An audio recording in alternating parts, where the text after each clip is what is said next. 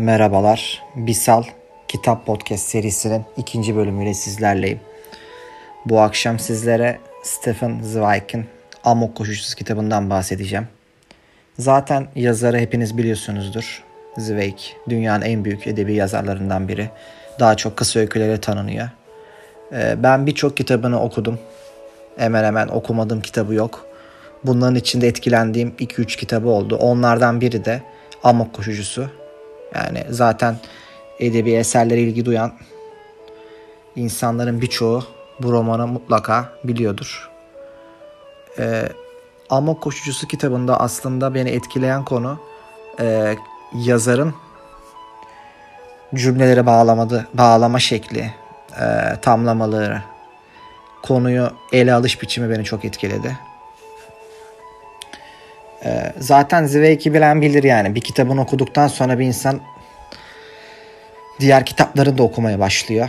Adeta bir amok koşucusu gibi oluyorsunuz. Yani amok koşucusu nedir? Önce ondan bahsedelim. Bir tür çıldırma durumu. Ee, yani genel olarak aslında tanımlanmış bir hastalık. Ee, bir intihar saldırısı da diyebiliriz tabii buna. Amok koşucusu aslında yani e, nasıl diyeyim sana sonuna kadar o olay için savaşan ve sonunda savaştığı şey için uğrunda ölen insan demek. E, zaten bunun birçok örneği de var çevremizde. Bir çıldırma haliyle harekete geçen bir durum. E, kitap da bunu çok güzel işlemiş. Çok güzel bir öyküyle e, bizi baş başa bırakmış. Yani bana kalırsa kitabın içindeki metaforlar tabii ben spoiler vermeden anlatacağım. Beni çok etkiledi. Zaten Zweig'in edebiyatını tartışmak bize düşmez. Yani dünyaca kabul görmüş büyük bir yazar. Ee, bu kitap aslında insanların e, bazı söylemek istediği şeylere dolaylamadan bir çırpıda 60 sayfalık bir kitap olduğu için zaten tam suratının ortasına vuruyor. Ee, sonlara doğru çok etkileyici bir hal alıyor. Ee, kitap kısa ama aslında çok uzun bir serüvene, serüvene çıkmış gibi hissediyorsunuz. Edebi dili çok zengin, üslubu, anlatım biçimi. Çok lezzetli bir hikaye diyebilirim. Ee, bana kalırsa çok çok iyi bir kitap. Yine Zweig'in aslında sanırım bir gemi takıntısı var. Yine bir gemide başlayan bir öykü. Ee, bana kalırsa e, zirve eserlerinden biri. Kar- yarattığı karakterler ve çizdiği imajla zaten bunu gösteriyor. Kitabın başlangıcında zaten Amok koşucusunun e, kısa bir tanımını yapıyor. E, ben Can Yayınları'ndan okudum bu arada. Can Yayınları'nda sanırım 10 lira gibi bir ücreti vardı. Can Yayınları'nın çevirisi çok güzel. Onu önerebilirim size yayın evi olarak. Zaten bizim merakımızı kitabın başlarında e, yazar Amo anlatarak gideriyor. Ama aslında anlattığı öyküyle birlikte farklı bir merak duygusunun içine bizi sürüklüyor. Ee, bana kalırsa çok etkileyici bir roman, e, hikaye. Yani aslında yazarın neden intihar ettiğini biraz daha romanda anlayabiliyoruz. Çünkü çok duyarlı bir kişilik olduğunu bize gösteriyor. Çok olağanüstü bir gözlem gücü var. İnsanı aslında en güçsüz, en savunmasız yönleriyle ele alıyor insan ruhunun derin katmanlarına iniyor. Ee, bana kalırsa ilgili okunması benim önerebileceğim bir kitap. Yani çok güzel dizeleri ve çok güzel satırları var. Aslında birçok karakter var ama Zweig'in yani Zweig'in kullandığı karakter sayısı bu kitapta diğerlerine göre daha az. Yani olağanüstü bir geceye göre vesaire.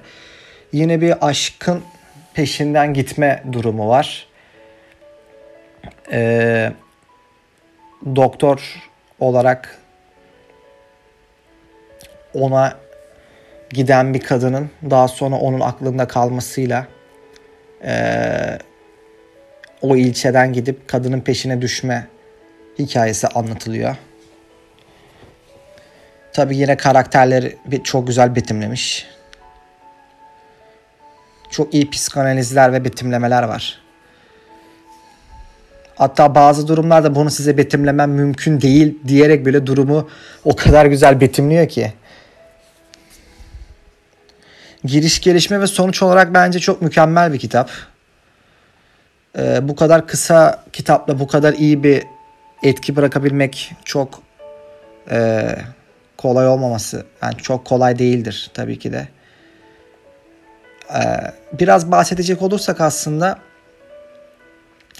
1912 ee, yıllarında e, Mart ayındaki Napoli limanında e, yük boşaltma işlemleri sırasında hani bir geminin geldiği tuhaf bir kaza meydana geliyor.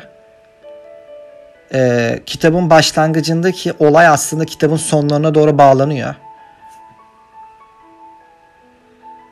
E, o kazadan yola çıkarak başlayan bir serüven aslında.